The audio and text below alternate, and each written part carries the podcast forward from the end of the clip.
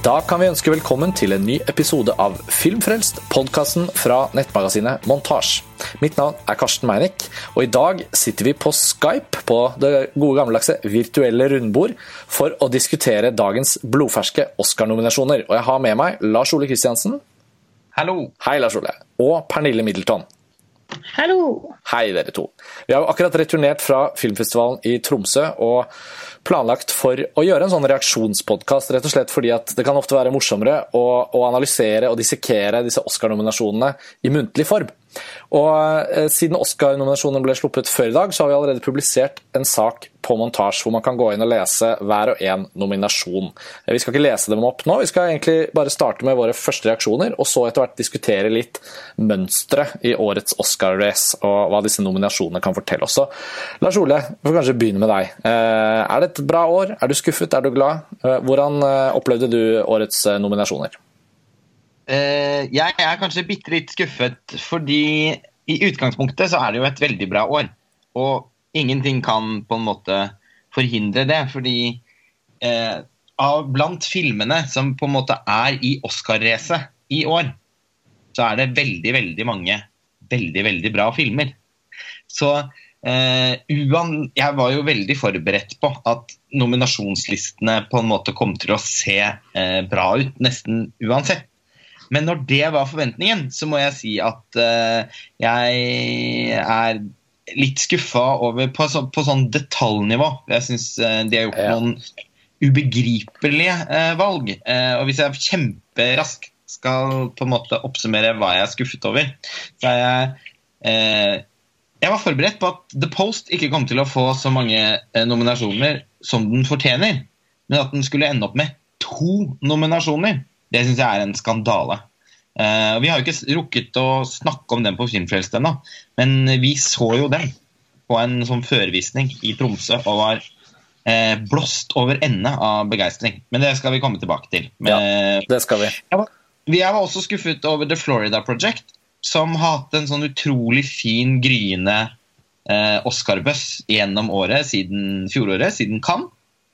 Og som til slutt ikke endte opp med verken beste filmnominasjon eller manusnominasjon, men kun eh, en eh, ja, et klapp på skulderen på en måte da, til Willem Dafoe. Han var jo også lenge frontrunner i den kategorien, men er det ikke nå lenger. Det er Sam Rockwell av forklare årsaker. Eh, Call Me By Name, en av tidenes beste filmer. Eh, ja da, den har fått noen nominasjoner og sånn, men ikke på langt nær så mye som den burde ha fått. Så jeg syns det er helt utrolig at han Sainumbu Mukdeprong eh, f.eks. ikke har fått en fotonominasjon. Ja. Eh, eh, eller, altså, ja, det, det er mye å si der. På plussiden, veldig gøy. Vi har ikke sett filmen ennå, men vi har jo kjempeforventninger til Phantom Thread. Kjempegøy at Akademiet åpenbart har likt den mye bedre enn mange av de andre eh, pris, eh, prisene. Altså, den fikk jo ikke noe særlig verken Golden Globe eller BAFTA-oppmerksomhet. Og Guildsene har også vært gniende med Phantom Thread. Eh, og nå har det jo endt opp med å bli den liksom nest mest Oscar-nominerte eh, Paul Thomas Anderson-filmen noensinne. altså etter Will Be Blood. Og selvfølgelig kjempegøy med Greta Gerwig. Eh, sin reginominasjon. Også Ja. her, Der har vi jo heller ikke sett filmen, men forventningene er jo kjempesvære. altså som de fleste har fått med seg, er vi jo kjempestore fans av.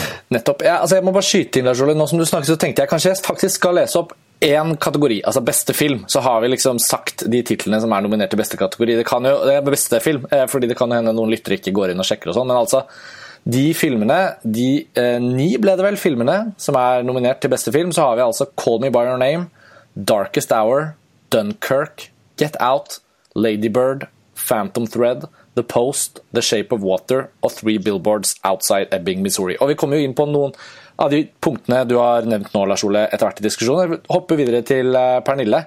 Hva, hva var din første, første reaksjon på dagens nominasjoner? Uh, ja, altså min, eh, min første sånn uh, generelle, helhetlige uh, tank, ja, Mine generelle tanker om nominasjonene er at det var veldig lite overraskelser, egentlig. Eh, veldig mange av de nominerte som har vært nominert til andre store priser tidligere. Men det som var veldig friskt og heldigvis så var det eh, ganske, et ganske sterkt år for kvinnene. Um, de er representert i et mangfold av kategorier, inkludert foto, klipp, manus og heldigvis regi.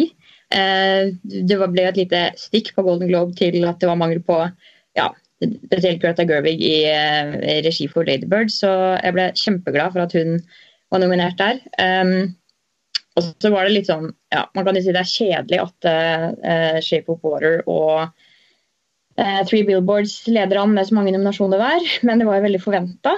Uh, og så er det utrolig gledelig at Blade Runner fikk så mange tekniske priser, eller ikke priser, nominasjoner. um, Ja, ikke pyser Jeg skal ikke ta Du må ikke jinxe det. Nei, jeg skal ikke jinxe det. Eh, og så eh, er jeg selvfølgelig enig med deg, Lars Ole, at jeg ble ekstremt skuffa over eh, eh, at det bare, bare, var fire nominasjoner til Call Me By Your Name. Um, her skulle ja, man håpet på en sånn positiv overraskelse. Det er ikke det ja. at det er ikke sånn at nødvendigvis bussen de siste par ukene har pekt i en annen retning, men noe som alltid er gøy med Oscar, er at det alltid kommer noen overraskelser. Ja, det kommer alltid noen få. Eh, sånn som Get Out det er veldig friskt at det har fire nominasjoner her, eh, i noen veldig gjeve kategorier. Uh, og jeg skrek da Timothy Chalamet ble nominert til mannlig skuespiller. Men ja. om, vi, om, vi, tar et overblikk, overblikk på mannlig birolle, så skulle jeg veldig gjerne ha skutt inn Army Hammer og Michael Stuhlberg her, altså. Ja, men det er jo si. utrolig at ikke altså for dere mener, Både Timothy Chalamet og Get Out sine nominasjoner det følte jeg var ganske safe bets på for, forhånd i forhold til hvor, uh, hva, hvor pillene har pekt uh, de siste ukene. Men, uh, men det pleier liksom alltid å komme noen sånne der, Wow! Å, så gøy! Nominasjoner sånn ut av intet. Det var jo på en eller annen måte Phantom Thread, da. Og siden vi ikke har sett den filmen ennå, så blir det sikkert vanskelig altså, Det kan hende den eh, Det er sannsynlig på en måte at det er helt utrolig gledelig.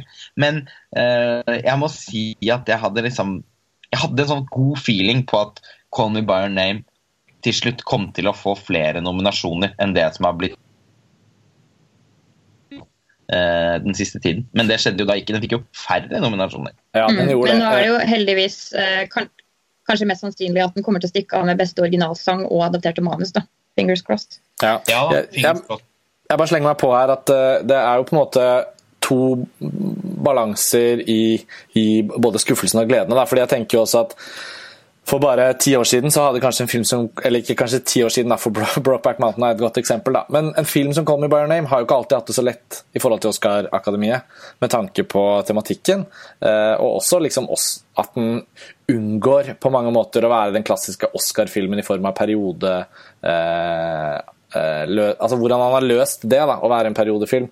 Eh, og, og, Det kan også virke som om Phantom Thread er en sånn type periodefilm. Så, eller sånn, nærmest sånn med tanke på hvordan omtalen har vært, da, vi har ikke sett filmen, men med tanke på Paul Thomas Anderson som har tatt en ganske sånn enigmatisk, uh, underliggjørende approach til en sånn klassisk kostymedrama-periodefilm, så er også de to filmene med liksom henholdsvis uh, fire til Call Me By Name og seks nominasjoner til Phantom Thread, det ligger jo veldig mye positivt også i at to filmer som kanskje ikke ville vært uh, anerkjent når de er såpass kunstnerisk sofistikerte, da, paradoksalt nok, blir anerkjent. Eh, I hvert fall med den typen mengde av nominasjoner. Samme gjelder Ladybird. Jeg tror også det er en, og Get Out. Begge er eksempler på at kanskje akademiet er i en eh, moderniseringsprosess. Og Så får man ta det på godt og vondt hva som blir skuffelser og gleder i år. Men det er jo i det store bildet noe gledelig også ved sånne, sånne grunnleggende mønstre som vi kanskje bare har vent oss til etter at etter at en film som 'Moonlight' for eksempel, vant beste film i fjor. Problemet er at mye av det kommer kanskje fra en litt mer sånn politisk korrekt holdning til hva som bør lages av film, mer enn at det er en vurdering av kunstneriske meritter. Da. Og jeg vet at Begge dere ble ganske sjokkert for over at James Franco ikke ble nominert for The Disaster Artist, en film jeg ikke har sett selv. men han var jo en vinner på Golden Globe, liksom, og nå står han uten nominasjon. Antageligvis pga. Uh, den uh, de mange anklagene som nå har kommet mot han i forhold til seksuell trakassering og metoo og sånn. Vi skal ikke skeie hele veien ut der, men på generelt plan så kan vi vel si at Oscar også ser ut til å ta opp i seg en del av de litt sånn politisk korrekte strømningene i eh, Hollywood. Ja. Eh, jeg syns jo det er en skandale at ikke eh, James Franco er nominert på kun, rent kunstnerisk grunnlag. Eh, jeg fikk jo omsider sett denne filmen som Pernille snakket så varmt om på årslistepodkasten. Og eh, elsket den. Jeg synes det var altså, jeg, jeg, lo så jeg skrek nesten fra første til siste scene. tror Jeg Jeg syns at alt var morsomt. Og eh, det handlet innmari mye om hans rolletolkning. altså Den var så unhinged. Og så eh, Altså, han tok så bolig i den rollefiguren og overdrev den på en sånn med en eh, komisk fintfølelse eh, og timing som er sjelden. Jeg var helt vanvittig imponert. Han hadde faktisk vært den jeg hadde heiet på i den kategorien. Men er det noe år hvor man ikke blir skuffet da, på en måte, av noe? Nei da. For Oscar er jo eh, et problematisk, eh, et problematisk felt å engasjere seg i. Ja, altså Man skal jo glede seg selvfølgelig over at vi ser en tydelig modernisering. Altså Man kan merke at det er flere unge eh, medlemmer i akademiet. Eh, det virker dog ikke som det er noen flere ikke-amerikanske medlemmer i akademiet. For eh, det, det, er jo en ekstremt amerikansk eh, nominasjonsliste. Og det, det, var jo også der jeg tenkte at Oscar kunne hatt et fortrinn i forhold til en del av Gildsen og sånn hva gjelder Call Me By Name. For det er jo en europeisk film. Mm. Sånn, eller ja, føles jo i hvert fall ut som en europeisk film. At, at den, eh, på grunn av at Oscar har vi har jo flere internasjonale medlemmer, da, en del av disse guildsene og sånn. Men den effekten tikket ikke inn, da. Nei. Ja, apropos det at det er så amerikansk, så uh, jeg hadde syntes at det hadde vært veldig friskt om f.eks. Claes Bang hadde fått en nominasjon for The Square. Det syns jeg hadde vært helt på sin plass. Ja, Det er sånn, det er sånn drømmenominasjon, sånn som New York Times alltid kommer med. De kommer sine spådommer, så er det sånn eh, Best film, reprise by Joachim Trier and best eh, actor Altså, Jeg har sett opp gjennom årene at når de spår Oscar, eh, A.O. Scott og Menola Dargis, så er de ofte sånn helt inn fra venstre sånn Ja, Claes Bang for beste skuespiller. Det er jo ikke det at det aldri har skjedd at det har blitt nominert eh, i flere kategorier, selvfølgelig, selv om det er en fremmedspråklig film, men det er jo ikke vanlig. Um, Bare se på L. ja, da, L, ikke sant? men også sånn Amour og, og Det hvite båndet. Altså, det var, noen av hanektene har jo fått nominasjoner i andre kategorier. Men Pernille, jeg hadde lyst til å spørre deg om en ting. Uh, The Shape of Water er jo faktisk filmen nå med flest nominasjoner. Den leder jo egentlig helt åpenbart, helt klart. Den har 13 nominasjoner. Det er et mm. veldig høyt tall også, også en sånn Oscar-historisk. Hvor, hvor, står du på den sånn i, i lys av at vi så den i Venezia for uh, godt, ja, det er nesten et halvt år siden? Ja, altså Jeg husker den filmen fortsatt ganske godt. Jeg syns den er uh, utrolig god. Og det er veldig mange av de nominasjonene der som er uh, fortjent. Uh, Sally Hawkins fortjener den. kunne kanskje ha droppa Octavia Spencer. det er veldig koselig med Richard Jenkins. men en ting som jeg syns er veldig merkelig, da, er at når den er en såpass stor favoritt og har hele 13 nominasjoner, så er den ikke, er den ikke nominert for visuelle effekter. Det var kanskje det jeg reagerte mest på når det gjelder den. da. Um, det er for lite digitale effekter, tror jeg. Men da skulle den jo fått sminkenominasjon. Ja, tenk, på, tenk på hele baderomsscenen og alle disse under vannet og det, ganske, det, var jo ganske spektakulært. Det er faktisk sant. Hadde den fått i de kategoriene, så, så hadde nok ingen protestert. Og da hadde den fått 15 nominasjoner. Det er liksom, Denne filmen elsker de tydeligvis, Lars Ole. Ja, det er åpenbart. fordi den blir en sånn, altså den, det, den er jo årets sweep-film. Altså Den også ender opp med å få nominasjoner som de ikke burde ha fått fordi de liker filmen så godt. F.eks. Altså, Octavia Spencer har spilt den samme rollen i alle filmer hun har spilt i. Eh, jeg kan ikke fatte eh, hvorfor hun må ha en Oscar-nominasjon. Hun har appåtil vunnet for den åh, åh, hva het den, den kjempedårlige The Help, ja. Uh, og hun er kjempesøt. Så dårlig var den ikke, men ok. Ja, ja den var dårlig. Men, uh, ja. men hun er jo en veldig altså, Hun er en kjempesøt, sjarmerende skuespiller. Jeg, jeg, har ikke noe vondt av henne i det hele tatt. Men jeg syns ikke hun besitter en jeg, jeg, jeg, altså, jeg syns som regel at hun spiller en variant av den samme typen. Da. Og det var faktisk et av mine innvendinger mot uh, The Shape of Water, som jevnt over var en film jeg likte kjempegodt. Det er også en veldig enkel film å like. uh, Jf. 13 nominasjoner. Ikke sant? Men uh, det var faktisk noe av det jeg hadde litt imot uh, filmen da vi så den i Venezia. At jeg syns det var noe typecasting på gang der som den kunne hatt godt av å ikke ha. Det, mm.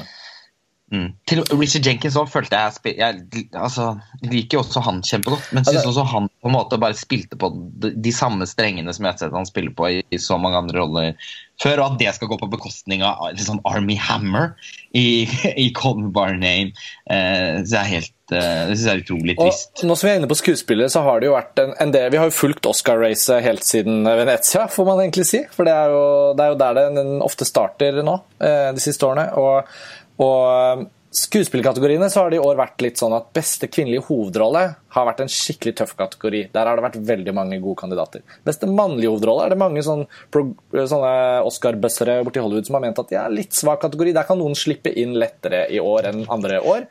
Likevel så får ikke James Franco nominasjon. Den ledige plassen kan man si, gikk vel til Denzel Washington for en film som, som har fått totalslakt i USA og ikke tjente noen penger og allerede er glemt, men likevel er han nominert for Roman Israel Esquire. Det er jo helt det er litt trist ja. at uh, Franco skal ryke.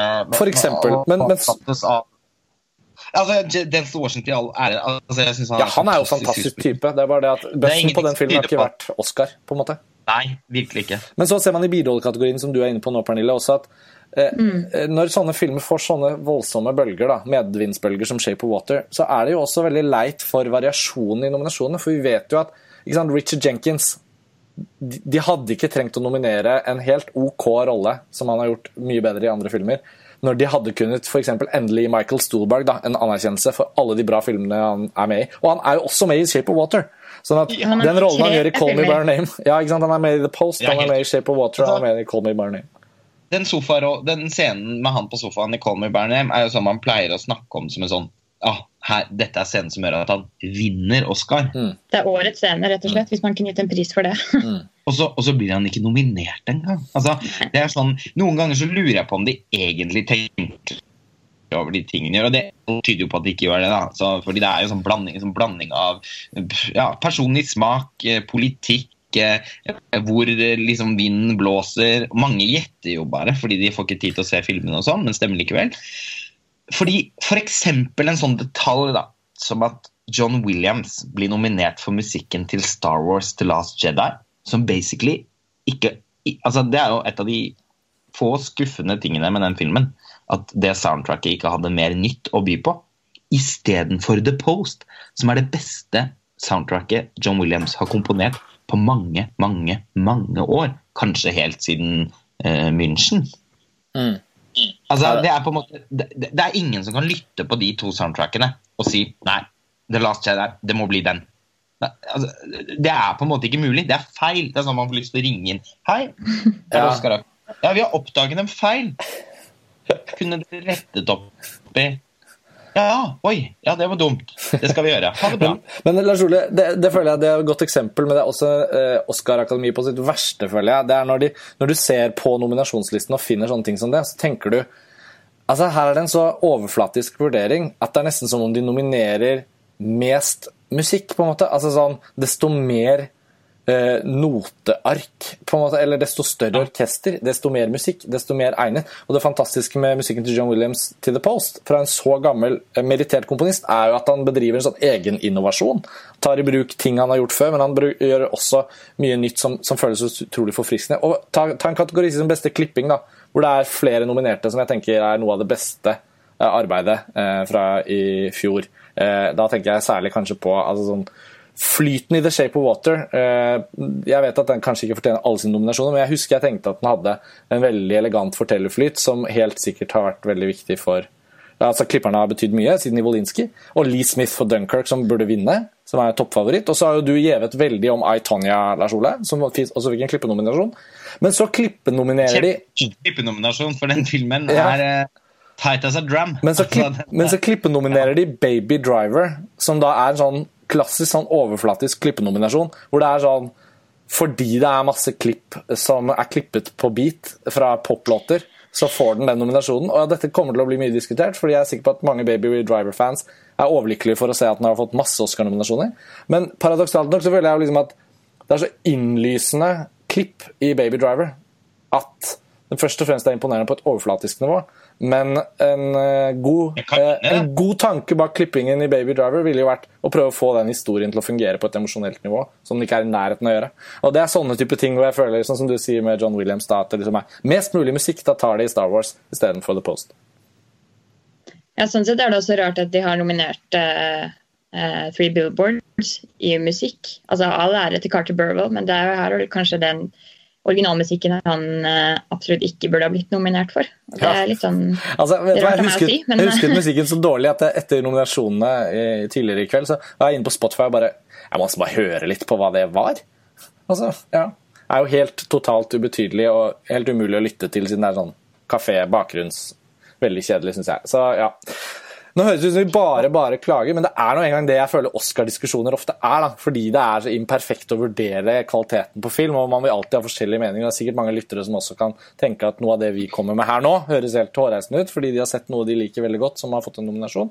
Men Kanskje, kanskje, vi burde gå tilbake litt til den grunnleggende eh, tonen som har ligget gjennom Oscar-racet. Altså, Lars Ole, jeg nevnte jo Venezia, eh, og det er jo åpenbart blitt Flere år på rad nå så har vi jo sett at det er jo faktisk en av de viktige Oscar-festivalene. Ja, men Det har det jo vært i mange mange, mange år, da, men det har nesten blitt enda viktigere. Altså, mm, man snakker mye om ingen, ingen, filmer som hadde premiere i Toronto for eksempel, ble beste nei, nei. film nominert, men to nei, men fra det, Venezia uh, og to fra Hva var det, The, Tell You Ride og to Jeg så noen listet opp det, da. Så Venezia betyr noe. Ja, altså vi skal være glad for eh, at Altså dette er jo på en måte ja, to fra Sundance var det. Get Out og Call Me By Name, det var Sundance. Eh, sånn var det. ja. De par siste årene så har jo på en måte Venezia fått seg et løft igjen. fordi det har gått litt dårlig med den festivalen, fordi Toronto har begynt å liksom spise mer og mer av, av premierene som Venezia tidligere ville hatt tilgang på. Men det viser seg jo at som Oscar-festival så er den likevel den absolutte nummer én. Da. Det var tilfellet i fjor, var, eller i forfjor, og det var tilfellet i fjor. Eh, 'Shape of Water' og 'The Three Billboards Outside Ebbing, Missouri' er jo på en måte de to store frontrønnerne. Eh, og begge hadde premiere i Venezia. Vi så begge to. Endte faktisk ikke opp med å lage podkastepisoder om dem. Eh, det var litt ulike årsaker til at det glapp. Men det var handlet selvfølgelig også om at vi ikke syntes filmene var sånn totalt sett kanskje så spennende som andre ting vi så det. For de var ikke like interessante å diskutere. Samtalen om begge de to døde litt hen på en måte i løpet av den kvelden. eller sånn. Eh, ja. Det, det, var påfallende, faktisk. Eh, jeg er mest overrasket over at Three Billboards er blitt en stor Oscar-film. Jeg tenker Shape of Water, da følte jeg liksom Den der kommer vi til å den er en så crowd pleaser, og det er en kjærlighetshistorie. og Den kommer vi til å høre mer om. Er jo, du er jo mye mer begeistret for Three Billboards enn oss. Det var jo både jeg og Karsten syns jo det var en kjempe, altså veldig artig film. Men du, husker, altså, du var mye mer begeistra, og du har jo et forhold til Martin McDonagh fra før av også, som jeg ja. ikke har. Jeg har sett i Rouge. Ja, jeg, veld, jeg, var veldig begeistra for Three Billboards. Jeg, jeg er ikke så begeistra at jeg nødvendigvis ønsker at den skal få alle syv prisene nominert til. Eh, med tanke på hva jeg sa om mannlig birolle. Jeg syns ikke det egner seg. Eh, men det er en veldig eh, morsom og på sett og vis en ganske kontroversiell Oscar-film. fordi den er jo veldig, den er jo grov og pervers, og den har veldig mye banneord. og eh, ja, har en del sånne elementer som man skulle tro at det ble veldig hårreisende for de eldre stemmerne, kanskje. da. Ja. Så Det syns jeg er litt sånn friskt, eh, på en måte, eh, selv om den ikke er best. Det er en sabla god film. Og også en av de desidert beste rollene Frances McDormand har gjort. Eh, nå har hun jo vunnet eh, pris for Fargo før, og hvis hun skal vinne en Oscar til, så, så syns jeg definitivt at det er fortjent for denne her. Eh, men likevel så er det ikke en sånn beste film, beste regi, beste manusfilm, egentlig. Men den er veldig underholdende.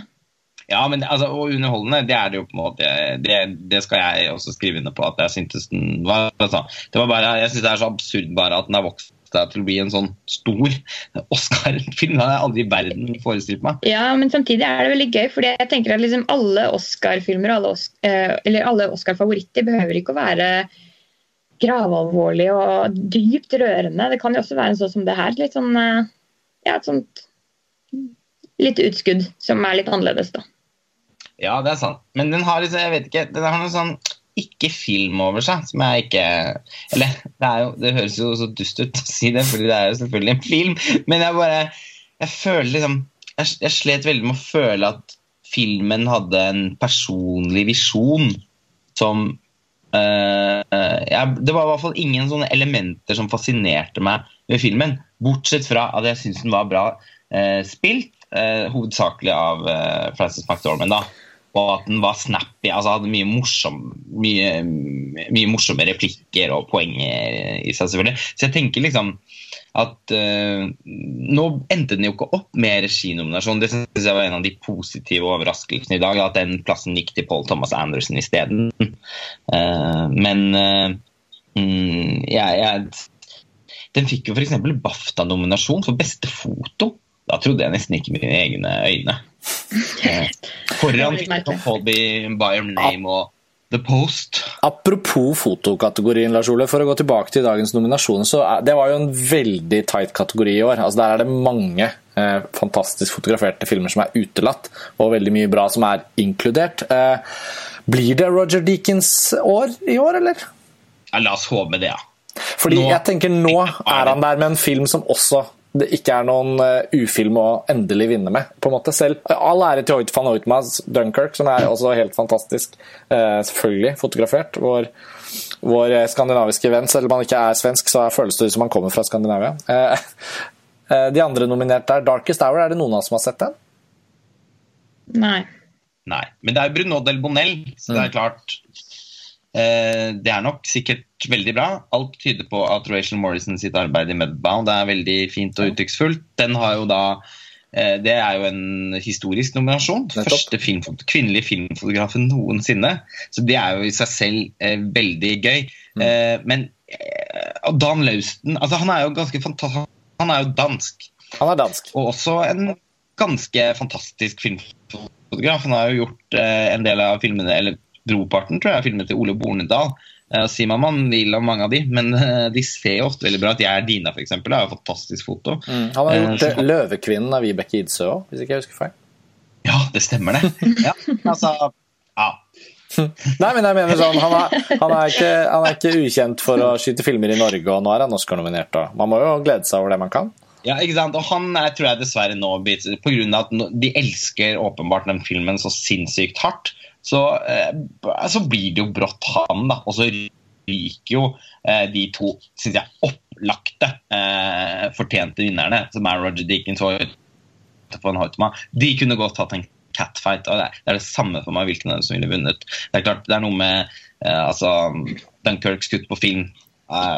Eh, 70 mm. Altså, det er noe med teksturen og svartnivåene og sånn jeg har snakket om på Filmfrelst før, som appellerer så vanvittig til min smak at jeg ville nok faktisk også valgt den foran Blade Runner. Men jeg elsker også Blade Runner, og jeg syns at Deakins sitt arbeid i den er helt utrolig altså Det er på en måte to ti av ti på ett år. Eh, så, så, så, ja.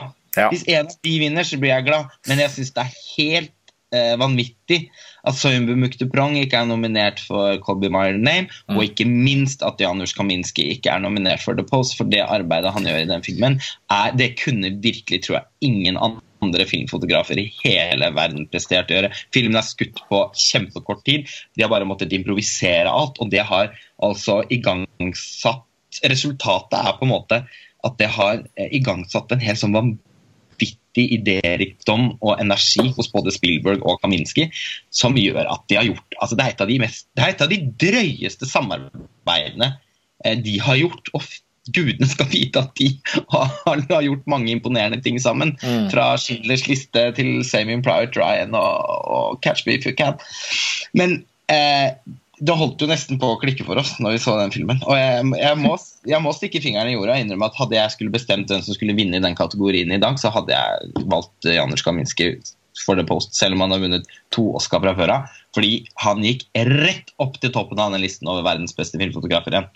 Ja, altså, The Post må bare skyte inn her. Nå har vi akkurat sett den i Tromsø, og den kommer vi til å diskutere grundig. Og det er riktig som Lars Ole sier, Eh, hvis ikke man allerede har den forventningen, da, så er det jo faktisk helt der oppe blant Spielbergs beste på 2000-tallet. Altså, veldig mye sykt bra på starten av 2000-tallet, men i hvert fall sånn med, siden München så er det nok The Post også for meg. Selv om jeg syns Lincoln var veldig veldig bra, så er det, det er noe sånn ekstraordinært, på en måte, over hvert eneste bilde. Altså, det, er nesten, det er derfor vi også måtte holde oss nesten fast i setet. Og, og jeg, jeg, må jo bare føye meg til det du sier om Kaminski. Man kan, man kan, si hva man vil om de som har vunnet mye og fått mye anerkjennelse, ja, men er det ikke poeng å anerkjenne for hver enkelt eh, kunstnerisk eh, prestasjon som gjøres her? Så, så, den kategorien var jo enormt eh, stram da, å komme inn i. og ja, og fotografen til Apichat Pong, som gjør et så utrolig arbeid i Call Me By Your Name. Um, det er um, det er leit å tenke på at noe som er bra på en så subtil og genial måte, uh, uh, det er de blind for. Så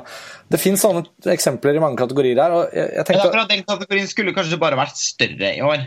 Og ja. Åpenbart så er det jo ikke helt utrolig, da. Men The Post er jo den perfekte Oscar film. Den er sånn utrolig godt timet. Handler om noe i tiden. Handler om kvinner som ikke blir uh, hørt og respektert av, man, i, av mannlige kolleger i mannsdominerte yrker. Og den handler om viktigheten av pressefrihet post-Trump.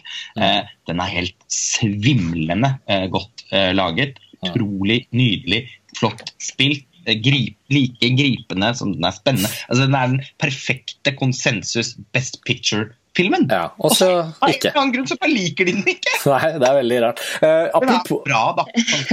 altså, er jo andre filmer de siste årene som ikke er i nærheten av å være så bra som The Post. Så da er den vel for bra, da. Ja. La oss ikke glemme det. Catch Me If You Can fikk eh, Nei, to Oscar-nominasjoner. Christopher Walken og John Williams. Ja. AI fikk to Oscar-nominasjoner. Eh, John Williams og produksjonsdesign, tror jeg. Eh, ja. Det, det mønsteret husker ikke jeg, men det var interessant. At det er så få nominasjoner de fikk. Lincoln fikk vel sånn 23 nominasjoner eller fikk sånt. nominasjoner. Altså, så, Spielberg på sitt aller beste, det er, det er ikke godt. Altså, det, det, blir for bra for Oscar Akademi. Jeg, skjønner jo, ja, jeg skjønner jo på dere nå at uh, The Post er en film som jeg skal like. Eller så kan jeg vel takke for meg her. Ja, her Trusselbildet tegner seg opp. Men apropos dette med å sett og ikke sett filmer, dere. Det er jo noen store Oscar-titler som nå gjenstår å, få, å bli sett. og Hvis noen lyttere tror vi skal komme med våre tips og sånn, tanker om hva som vi tror vinner, og sånn nå, det vi ikke denne episoden. Eh, denne episoden kommer ikke til å være så lang, faktisk, fordi dette handlet om våre reaksjoner på nominasjonene. og i i dagene før, eller uken før selve utdelingen, så kommer vi til å komme med den Eh, etter hvert litt sånn tradisjonsrike, ganske episke gjennomgangen av hver eneste kategori, hvor vi kommer med den vi tror vinner, og den vi håper vinner. Og I mellomtiden så skal vi jo nå prøve å få sett de filmene som gjenstår, som er viktige å få sett. og nå blir jo på en måte Phantom Thread faktisk den første og viktigste. Eh, jeg tenker Ladybird også selvfølgelig er en av de vi gleder oss mest til å se. Darkest Hour har akkurat kommet på norske kinoer. Den er kanskje den som er lettest å få sett. Hva annet er det dere ikke har sett som dere tenker blir viktig å se med tanke på Oscar-prisene spesifikt? Altså, jeg har jo ikke sett uh, The Post og jeg har ikke sett Aitonia, som jeg gleder meg veldig til. Nettopp Aitonia, uh, den er bare Lars Ole som har sett. Jeg har ikke sett noen i verken dokumentar- eller animasjonsfilmkategorien, noe som er veldig veldig rart. Ja. uh, men jo sånn... ja, også Ladybird, selvfølgelig. Da. Ladybird gleder jeg meg kanskje aller mest til. Um, av det som ikke jeg har sett. Det jeg kan si om dokumentar, er faktisk at jeg akkurat nylig eh, Noe av det første jeg gjorde etter at jeg kom hjem fra Tromsø, var å hvile litt. og så og så så jeg en dokumentarfilm her hjemme i sofaen på, fra Netflix. 'Ikarus'. Og den er Oscar-nominert, og den var også helt fantastisk bra. sånn fortelling.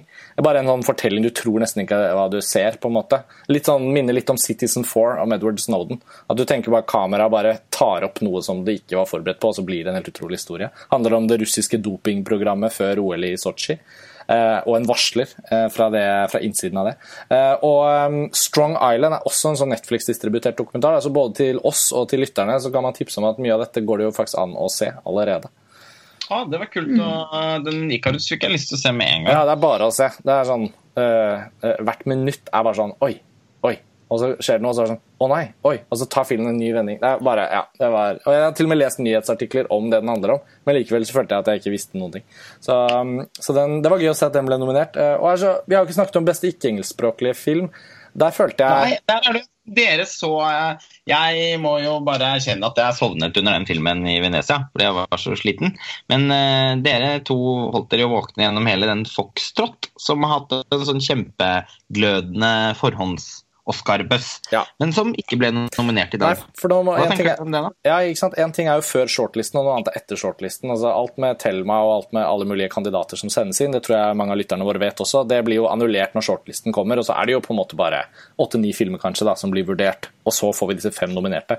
Men ja, Foxtrot syns jeg var også som jeg har tenkt tilbake på den, en av de liksom, skikkelig sånn, interessante, sånn, sterke filmene fra Venezia som jeg ikke har shaka helt, og som vi kanskje har snakket litt for lite om. Jeg vet ikke med deg, Pernille, men den, at den ikke ble nominert, var jo litt overraskende. Ja, den, den, var, den, var, interessant, men jeg må jo innrømme nå i retrospekt at jeg husker ikke så veldig mye fra den. Uh, det bildet som henger igjen sterkest, det er vel det hvor han danser med geværet sitt. Uh, Mm. I ødemarken der en plass, ja. ja. Uh, men uh, jeg er absolutt ikke lei meg over at den ikke er nominert. Jeg føler ikke at det er en veldig sånn prisverdig film. I hvert fall ikke i selskap med 'Loveless' og 'The Square'. da. Nei, for 'The Square' er jo din toppfilm fra 2017, og vi alle elsker jo den. Og det var jo nesten en selvfølge at den måtte bli nominert, eller? Ja, det er jo det. Den har jo vært nominert til alt mulig annet. og jeg blir fryktelig trist hvis den ikke vinner. Jeg eh, frykter at den ikke gjør det. Mm. Um, jeg, tror, jeg, tror egentlig, jeg, tror, ikke at den gjør det, men uh, det ville vært den, den, det gledeligste ved hele kvelden hvis den gjør det. Denne kategorien Lars Ole, den er litt sånn infamous. Ja, den er jo det. Eh, den tar, har historisk sett ofte tatt veldig veldig merkelige valg. Men det må sies at det, det, har, det har skjedd et eller annet skifte der. fordi de siste årene har de ofte, ofte truffet ganske bra. Altså. Så men hvis, si, hvis filmen er for komplisert, eh, for, sånn som Tony Erdman eller The Square, vil jeg si, da, så, så har det lett for å glippe. Og da blir det lett uh, Loveless til Svea Gintzev eller A Fantastic Woman isteden. Sistnevnte syns jeg jo ikke er synes jeg er en av fjorårets mest overvurderte filmer, men det er en annen diskusjon. Jeg har vel diskutert før på den Film fra Sør-podkasten. Mm. Men altså, så Loveless eller Savnet av Svea Gintzev har masse masse pent å si om, men eh, jeg syns jo The Square er helt sånn overlegen. Men det er klart, når den ikke eh, I går kveld ble den jo ikke vurdert som god nok til å, til å vinne Gullbangen i Sverige. Så. Det er helt hårreisende. Ja, det er hårreisende. Det var liksom Skulle de sette Ruben Østlund på plass, var det sånn Nå er det nok, på en måte? Ja, men altså, Nå er jeg sint på Sverige, altså. jeg, tenker at, nei, jeg tenker at dette hever han seg veldig elegant over. Det er som en scene altså, fra filmen. Det var ja, ikke sant? Det var nesten litt kult. Altså, når du har Gullpalmen nå, hva er det? Sju European Film Awards? Så, og nå er en Oscar-nominasjon, så tenker jeg at eh, da kan vel den eh, Hva var det den het igjen, den som vant? The, the Nile Hilton Incident. Nile Hilton Incident. Herregud. Har du sett den? Jeg så den i Tromsø, det var jo den mest kjedelige filmen jeg så der, da. Eh, men det har vel Jeg tror nok at Fares Fares har en del kontakter, eh, kanskje. Eh, ja, at han er en slags bransjefavoritt, da. Ja, for han vant jo også mannlig hovedrolle foran Claes Bang. Ja, nei, det er Uff, jeg orker nesten ikke å snakke om det engang. Ja. Helt utilgivelig, kan man si. Ikke noe holde på med noe eget. Jeg syns det var veldig flott at Sameblod fikk så mange priser, da. Det, det var veldig fortjent òg. Det har jeg ikke noe problem med. Men, jeg må bare si at jeg elsker Fares Fares, altså, men den filmen var veldig intetsigende og kjedelig. Ja, jeg... Er det noe gjenstående fra dagens nominasjoner som dere føler det er veldig viktig å få sagt? For vi har jo vært enige om å prøve å lage en litt sånn disiplinert episode her. Nå har vi sagt det som er nærmest hjertet vårt. Uh, Pernille, yeah. vil du ta en ting? Ja, jeg har en veldig sterk reaksjon, faktisk, som jeg er kjempeglad for. Eh, og det er jo, Vi har ikke snakket om Dunkerque ennå, at den har hele åtte nominasjoner. Og jeg syns det er helt fantastisk at den har sikret seg så mange nominasjoner og uten å ha en eneste skuespillernominasjon. Mm. Eh, det syns jeg er veldig fascinerende. Og da selvfølgelig endelig en reginominasjon til Christopher Nolan. Ja. Det, er, det er jo egentlig verdt å feire. Kanskje vi burde egentlig ha begynt episoden der. Men ja, selvfølgelig. Det er jo Altså, jeg jubla, altså. Det synes jeg, jeg synes det er dritbra. Altså, flere, jo flere priser til, eh, nominasjoner og priser til Dunkerque, jo bedre. Jeg er redd for at uh, Shape of Water kommer til å grafte til seg så å si alt fra den. Eh, og så blir det brått sånn babydriver for lydklipp og sånn isteden. La oss nå se. Men eh, Eh, altså, det har, det har, vært så sikkert at Nolan kom til å etter langt om lenge få en reginominasjon for dette. Så man glemmer, har jo nesten eh, Ja, det er jo nesten sånn at jeg har glemt å glede meg over det. Men det var bra du nevnte det nå, Pernille. Det er fantastisk. Eh, han er Kanskje hans største sjanse noensinne. Altså, sånn, dette er jo hans beste regiverk, kanskje. da. Så, så han har laget mye bra til at jeg kan si det, men eh, det er i hvert fall en Altså er jo, filmen er jo helt enorm. Og ja, altså den var jo også Da vi så den i sommer, så tenkte vi at denne kommer jo til å vinne alle Oscar. Ja, det er rart å tenke på nå. kan man ta. Eh, han har jo ikke sjans til å vinne for beste regi, tror jeg, så det er bare å glemme. Det blir Guillermo del Toro for The Shape of Water. Det er avgjort, tror jeg. Eh, beste film er den mest spennende kategorien, fordi der er det egentlig Der er det to frontrønnere og to hissige underdogs. Så eh, der har vi liksom eh, Three Billboards og Shape of Water som kommer inn som sånn storfavoritter. Men Lady Bird og Get Out eh, ligger og snoker rett under overflaten. Og jeg tror brått kan bli en av dem.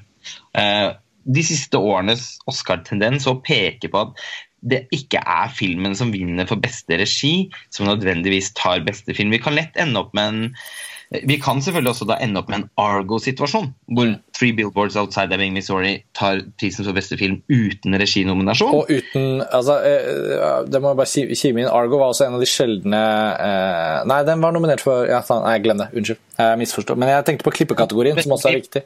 Ja, og det er, bare, det er bare Shape of Water, Three Billboards og Dunkerque som er nominert til beste klipp av alle de som er nominert til beste film. Ja, og Free Billboards kommer ikke til å vinne for beste klipp. Eh, jeg, den naturlige vinneren for beste klipp er jo Dunkerque. Mm. Jeg tror Baby Driver kan, Når den første er nominert, så tror jeg brått den kan spenne noen bein der. Altså, det, de, pleier, de, har gjort ganske mye sånn morsomt, og ofte har det også vært morsomt, da, mm. med klippekategori de siste årene. Fra The Girl with the Dragon Tattoo til uh, Whiplash. Ja, for det er en Whiplash-situasjon. da. Det var en film med mye klipp som gjorde seg fortjent til det. Her har vi tilfelle med en nominasjon til Baby Driver som har mye klipp, men hvor jeg føler ikke filmen styrkes av det. da. Nei, men eh, så, så, den, den, blir veldig spennende, tenker jeg. Men mm. jeg har også på følelsen av at eh, det har vært så mye splitt mellom beste film og beste regi de siste årene. Birdman var på en måte en, et slags unntak. Mm. Um, når, jeg ser for meg at liksom Del Toro ta, og Shape of Water tar sånn åtte priser eller noe sånt nå. Men at beste film likevel ender opp med å gå til Get Out og Lady Bird. ass. Mm. Ja, det hadde jo vært, det hadde vært et år hvor jeg syns det hadde vært en hyggelig splitt. da, eh, For å få på en måte Lady Bird er jo etter sigende helt fantastisk. Vi er jo megafans av uh, Greta Gerwig både som skuespiller og mannsfatter. Og vi har jo mange ganger snakket om at vi har følt at de to, eh, altså de to, de to, beste filmene Noah Bamak har laget, som, som, hun har vært med å skrive og mm. spille mm. hovedrollen i, det har jo virkelig føltes som om det er henne. Og så Den filmen har jeg så store forventninger til at eh, jeg nesten ikke takler å vente på den. Så eh, det blir sikkert altså, Gud, Hvor kult er ikke det? Hvis Greta Gerwig lager sin første film som regissør, så vinner den Oscar for beste film. Da får man liksom tro på verden igjen. Uh, men, uh, men jeg tror også det samme kan skje med Get Out, altså fordi Zeitgeisten er så intens på den. og den, jeg syns ikke det er noen fantastisk film, men den skiller seg veldig ut. Og den har en utrolig kul idé. Og, eh, og, liksom, og det er virkelig en film fra vår tid. Mm. Eh, og det er verken Free Billboards, i hvert fall ikke en sånn grad, syns jeg, eh, eller uh, eller, eller Shape of Water. Så det, det, blir, det blir film blir, det blir sånn ordentlig spennende. Det blir veldig spennende. Altså, resten av denne dypanalysen kommer vi jo da til å ta i neste episoden om Oscar-racet, som skjer i uken før utdelingen. Um, Eh, vi kan kanskje avslutte. Altså, jeg tenker eh, Vi har fått tatt for oss det meste som var sånn opp, eh, opplagt ved nominasjonen i dag. Det ble jo ikke noen nominasjon til den norske kortdokumentaren som hadde en mulighet fra shortlisten. Det ble en nominasjon til The Square fra Sverige og, og Dan Laustsen og en dansk dokumentarregissør som har signert den filmen som heter Last, Day, Last Men in Aleppo. Eh, for å ta det nordiske, som man alltid eh, på en måte skal og bør. har du lyst til å si noen siste ting veldig kort før vi avslutter? Nei, ikke Jeg har ikke så veldig mye mer å legge til. Eh, jeg er veldig enig i alt det Lars Ole sa om beste film, at det blir spennende. og det, blir veldig spennende. Det er, blir sinnssykt gledelig hvis det blir enten Get Out eller Lady Bird. Da også spesielt fordi begge, begge to er regidebuter. Eh, så det, mm. det, hadde vært friskt, rett og slett. Absolutt. Men altså, sånn, når det er sagt, så er jo selvfølgelig Conver name den beste filmen, da. Som hvis man skal snakke om hva som er mest fortjent. Men ja. Jeg kan slutte meg til det, Pernille. Det er et greit sted å avslutte. Uh, Call Me By Your Name har norsk kinopremiere førstkommende fredag. Uh, det er bare å gå på kino og se denne fantastiske filmen som vi har gjevet om så lenge. Og um, så blir det spennende å følge uh, prosessen nå med nominasjonene ute frem mot Oscar-utdelingen. Og den skjer vel Er det 4. mars? Yes. Ja. Så det er, det er seks uker til ca. OK. Lars Ole, takk for nå. Pernille, takk for at du var med igjen. Herlig å ha deg på Oscar-podkasten året. Og takk til alle dere som hører på. Vi er straks tilbake med nye episoder av Filmfrelst. Ha det bra. Ha det bra.